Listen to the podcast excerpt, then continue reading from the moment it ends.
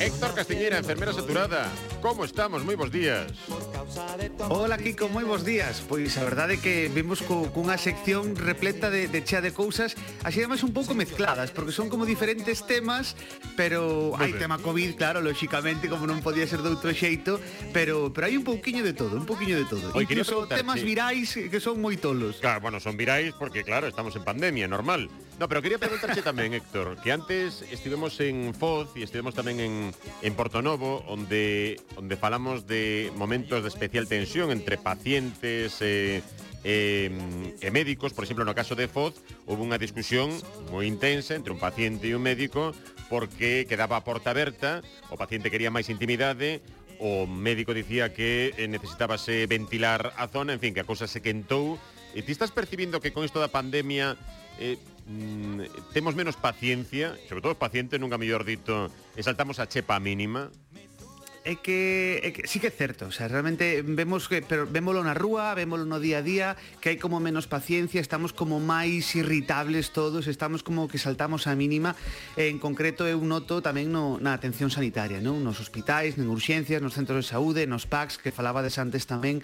Eh, é así, é eh, que ao final se, se por parte da administración, se por parte do Servizo Galego de Saúde abandóase un pouco ese, ese centro de saúde, ese, esa dotación de persoal pois ao final eh, quen o acaba pagando somos nós como profesionais eh, claro. e os pacientes tamén, non? Entón se chegas ali, tes que agardar un montón de horas, non te dan cita, non te dan cita porque é imposible darche cita claro. porque estamos traballando dous, entón non temos tempo a, a darche máis citas. Porque non é só, eh, pensamos, eh, non é só levantar o teléfono e preguntarle a un paciente, é a burocracia, ademais que tedes que, que cumprimentar, e non é só claro. eses minutos de, de atención, é todo o que significa informarse sobre o que llevas contar a un paciente. Claro, porque antes de chamar a ese paciente que ten, por exemplo, cita telefónica, ti tes que mirar o historial a saber, para saber que, que en ese paciente, que un pouquiño pois por onde pode ir a chamada e tamén eh, que lle está pasando a ese paciente ou se ou cales son os seus antecedentes, porque lóxicamente non tes na cabeza as fichas de, de todos os pacientes, sería imposible, non? Entón, é eh, o ratiño antes da chamada, a propia chamada en sí, e logo o rato de despois da chamada de volcar todo eso no, no ordenador, non? Que falaches co paciente. Entón, eh, esas consultas levan un tempo, as consultas consultas eh, apretanse canto máis eh, alto imposible, entón claro, moitas veces eh, esa, esa consulta tensiónase e logo ao final pois acaba saltando, non? Neste caso, pois neste caso confluen dous protocolos que un por un lado sí que hai que ventilar, é certo, pero por outro lado tamén o paciente lóxicamente ten dereito a súa intimidade, o que non pode ser é que todo cando vas a, a que te atendan, pois que todo o mundo se entere do que te está pasando, non? Ou, ou do consello que te dá o médico. Entón aí confluen dous dereitos, un o de ventilar, que lóxicamente hai que facelo porque é un, proto, un protocolo que ven que ven da Xunta, pero claro, o paciente ten que ten ese dereito á intimidade que, que debería tamén eh, nós como profesionais temos que guardar sempre, non? Entón hai é unha situación complexa eh, en a que a veces tamén os dous teñen razón, non? Sempre hai claro. un, un punto no que entendemos en que igual non necesita estar aberta a 100%, un pouco aberta, vai ser un pouco a voz, e, e así respectar as dúas partes, non? Que eu creo que é, é o que queren ademais as dúas partes, ninguén quere un conflito. Claro, evidentemente, o que pasa é que cando cando as dúas partes están tensionadas, pois é moi difícil chegar a ese a ese punto medio de entendemento, que normalmente casi sempre o hai ese punto medio e ninguén quere chegar, lóxicamente, ás maus, nin, nin a ter que expulsar a ninguén, nin, nin chegar a este tipo de conflictos, non?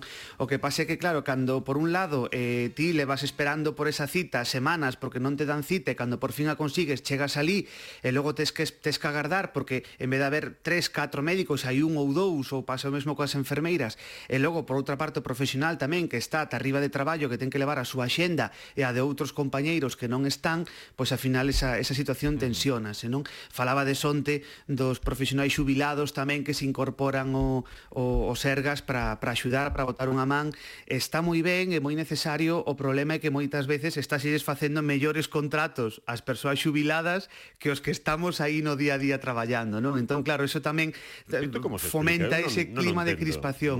Non, non... Bueno, eu tampouco, da sanidade sinceramente... mellor, pero é algo que, que... De feito, hai moita xente que pregunta, non? Como é posible isto, esta contradición?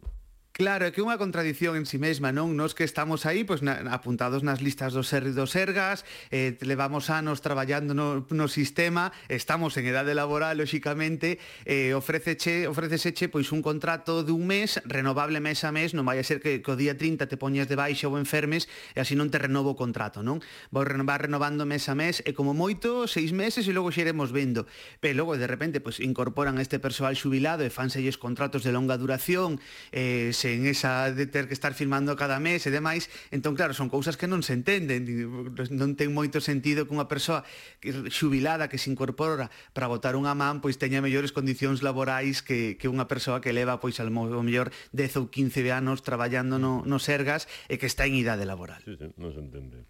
Bueno, a ver, eh, o sangue, o sangue sempre é absolutamente necesario, facemos unha chamada periódica que vostedes vayan doar, sempre é necesario sangue, pero pero nestes tempos de pandemia ainda moito máis, as reservas de sangue seguen en niveis baixos, as operacións continúan aí, así que se poden ir doar coa precaución que significa, claro, se vostedes eh, acaban de dar positivo, pois pues non se lle socorra, pero se, se podemos doar, vayan doar, Héctor. Pois sí, especialmente nestes días porque temos as reservas de sangue en Galicia casi casi eh, baixo mínimos, non? Exceptuando o grupo AB positivo, que ese está un po está mellor, o resto de, de grupos están en niveis baixos, especialmente pois a positivo, a negativo, temos varios que, que están aí en, en niveis bastante baixos, a verdade. Uh -huh. eh, bueno, ante iso que hai que facer é ir, ir doar. Non sei se as esta vaga da pandemia ten algo que ver con isto dos recursos do niveis baixos, Claro, é que confluíron confluíron varias cousas para, para que se orixinase todo isto destes niveis tan baixos no, nas reservas de sangue. Que pasa que, te promuevo, por un lado, temos o Nadal, que eso xa se sabe de sempre, que no Nadal a xente doa menos sangue, é algo así, tanto en Nadal como en verán, sempre pasa todos os anos, con pandemia ou sen ela, que a xente dona menos, non? Entón, xuntouse eso con este aumento de contagios da, da sexta vaga da pandemia, e que moitos doantes habituais estaban confinados, non podían ir, estaban nas súas casas porque deran positivo e outras persoas que non son doantes habituais pero querían facelo tampouco podían e logo o medo contaxio tamén xuntouse todo, non? Ese medo contaxio de eh, eu quería ir donar pero a ver se si me vou contaxar e logo non podo pasar a noite boa coa familia, non? Ese medo tamén estaba aí. Entón, claro, xuntáronse os tres factores e por eso desatouse esta, esta baixada excepcional de, de niveis de sangue. Porque cantas bolsas eh, gastamos o día en Galicia? Claro, porque pode parecer que non fai falta moita, pero así aproximadamente cada día en Galicia nos hospitais galegos pre, utilízanse 500 bolsas de sangue o día. 500. En, 500. Vamos. entón, claro, son moitas as bolsas de sangue que se precisan cada día e non é algo ademais que podamos sustituir por un medicamento, por un soro ou por calquera outra cousa que podamos fabricar artificialmente. E, e se acabamos, o, bueno, lóxicamente se estamos en cuarentena xa nada, pero canto ten que pasar dende que eh, damos xa negativo ou dende que superamos a cuarentena para poder doar? É unha pregunta moi habitual, porque a xente moitas veces, agora como hubo tantos contagios, pois moita xente chama, a ver, que din positivo, a, fai 15 días din positivo, xa podo ir doar. Bueno, pois calqueira persoa pode ir doar se pasaron 7 días dende, dende ese diagnóstico positivo. A ti diagnosticate hoxe, eres positivo, bueno, pois unha vez que pasen 7 días, e sempre cando non teñas síntomas, se pasaron os 7 días e non te xa ningún tipo de síntoma, xa podes ir doar sen, sen ningún problema, porque nin, nin vas contaxar, nin é por un problema para ti nin para o resto, non hai problema xa. Uh -huh. E o que se vacinou da terceira dose Claro, tamén, é certo e importante porque pode haber alguén que di, bueno, de paso que vou vacinarme ao hospital xa xa do no sangue, non? Bon, pois hai que esperar 48 horas despois da ah. despois da vacina. Así que o que podes facer é ir doar sangue e despois de doar poñer a vacina, eso sí. Pero despois de despois desa vacina, xa sexa a primeira, a segunda ou a terceira dosi, hai que esperar 48 horas e se non temos síntomas, o mesmo a, a doar sangue, que fai moita falta. Deixame preguntarse tamén polo pola gripe, pola campaña da vacina da gripa, de vacinación da gripe Como foi esta campaña? E en comparación con anos anteriores, hai algún cambio, algo que se poida destacar? Pois a verdade é que sí, a campaña rematou fai uns días, e rematou a mediados deste mes, prolongouse un pouquiño máis porque en principio estaba previsto que rematase a finais do mes de decembro e prolongouse un pouquiño máis para que se animase todavía máis xente porque non tiñamos moitos casos de, de gripe de momento e podía, podía ampliarse un pouquiño máis. E, mm, en total, eh, este ano en Galicia puxéronse preto de 800.000 doses, o sea que eh, para que mm, un pouquiño destacable sería que nese grupo de máis máis de 65 anos eh, e puxeronse a vacina 510.000 galegos, que é unha cifra moi moi boa, porque hai que pensar que antes da COVID, antes da pandemia e de todo isto, aproximadamente eran 400.000 os, os galegos maiores de 65 que, que poñían a vacina da gripe, este ano foron 510.000, ou seja que a COVID influiu para que a xente se animase a, a poñer esa vacina que é tan importante como a outra e moitas veces pois a xente xa iba e poñera, recibía unha en cada brazo, a terceira nun, nun brazo e a da gripe noutro e marchaba xa plenamente inmunizado. E o persoal sanitario tamén, así en xeral. Co, vaci, co persoal sanitario sí que temos aí un, un pouquiño máis complicado, porque este ano foron 30.000 os, os sanitarios que se vacinaron que se vacinaron fronte á gripe. Sí que é certo que un, son cifras mellores que antes da pandemia, pero aínda así eh, é complicado. Eh, é unha vacina que, así como as outras vacinas, a da COVID, fomos os, os primeiros os sanitarios que fomos correndo a poñela, e se hai que poñer tres ou catro dosis, poñense, aí están, estamos os sanitarios para poñelas. Sí que é certo que fronte á vacina da gripe é unha vacina que, que non ten moita aceptación non entre o persoal sanitario, non sei por qué, pero custa que, que os sanitarios se, se vacinen contra a gripe. Sí que van aumentando as cifras, pouquiño a pouco, este año foron 30.000, como che digo, pero, pero bueno, aínda, aínda queda un pouquiño de traballo aí que facer. Oi, outra pregunta que, que che quería, eh, isto non ten moito que ver co da gripe, pero estaba pensando, non? Eu eh, co, con isto da pandemia volvíme un pouco repugnante coa estética e procuro sair á radio, xente ademais agora como temos a bola extra na tele, pois quere vernos guapos e tal, e vin algo revolucionario nas redes sociais coas pestanas. Eu proveino, mmm, proveino un poquinho porque me daba un pouco de medo, porque digamos que a práctica dun vídeo viral, non sei se o biches eh, mm, de de, de rizar Bim, pestanas utilizando sí. secador de pelo. Quería preguntarche antes por si acaso a ver, é un pouco tolo todo isto, pero xa sabes que, que nas redes calquera cousa pode dame ser igual, facer dame igual, é un risco sanitario, eh, dame igual, pero quedo guapo, isto é importante, podes quedar guapo, pero ti non o vas a ver. Pues vámoslo ver os demais. claro, ese vai ser o problema. Ti, despois de dar co secador de pelo nas pestanas, vas dicir, que tal? Que tal estou? E nós podemos se, se decir que ben ou que mal. preguntado, igual non chega claro. a preguntar.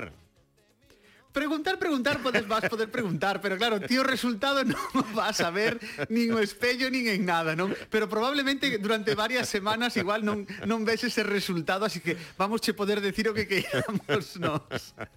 Total, que non nos fagamos, non sei se viron por aí por aí os vídeos, a verdad que a cabeza xa non para, pero sí, vin rapazadas, rapazas que estaban eh, un pouco perfilando esas pestanas, pero poñendo o, o secador no ollo, por riba do ollo. Sí, sí, totalmente. Danlle directamente co secador. Ademais, eh, per, parece por los vídeos que hai a, a boa potencia e a boa temperatura e eh, danlle aí as pestanas para, para rizalas. Ademais, é eh, que din, vendeo como que, bueno, isto é eh, un, un sistema revolucionario e eh, que nun momentiño é moito moito mellor que o rizador de pestanas de, de man, non? É a verdade que aí te é algo moi perigoso que non ten sentido ningún e que ademais, eh, primeiro, se o poñemos en aire quente, hai que pensar que un secador de, de pelo normal normal, un normal e corrente, expulsa o aire máis ou menos a uns 60 graus. Mm. Entón a 60, claro, oh. botar aire quente directamente os ollos a 60 graus centígrados así contado pode non ser moi boa idea, non? Eh, pois é moi fácil pois que acabemos cunha queimadura seria e importante pois nos párpados, na córnea, na conxuntiva, eh, co que iso implica, non? Incluso temos resgo de, con, de conxuntiviti, eh, eso é mellor non facelo por moito reto viral ou por moito consello de saúde que vexamos, é mellor eh, pasar dese, deses consellos. Por favor, non é cousa máis bonita que as pestanas, o natural. Mírate ti, máis, eh, máis eu, eh? Que nos vai claro, incluso hai quen di, bueno, pois lle dou con aire frío, porque claro, o meu secador ten unha opción que bota aire frío directamente, non? Que non é bo aire quente.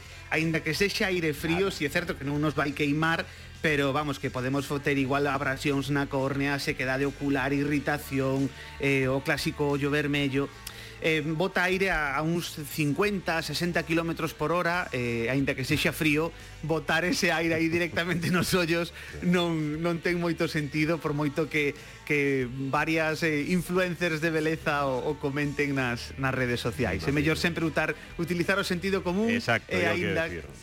Eh, sí, e aínda que as pestanas non queden moi bonitas, ah. mellor conserva a vista. Sí, parece que sí. Buscando un equilibrio parece que mellor. Ponos, suxírenos un temiña musical antes de chegarmos ás 12. Veña, pois podemos deixaro con este Live Forever de, de Oasis Que é un grupo que a mí particularmente gustame moito E penso que a ti tamén que, Moitos, que, que eres fan de Oasis Moi do Oasis, sí, sí. Boa proposta, grazas Héctor. Un aperta, ata logo. Meira saturada, todas as semanas aquí no Galicia por diante, un luxo.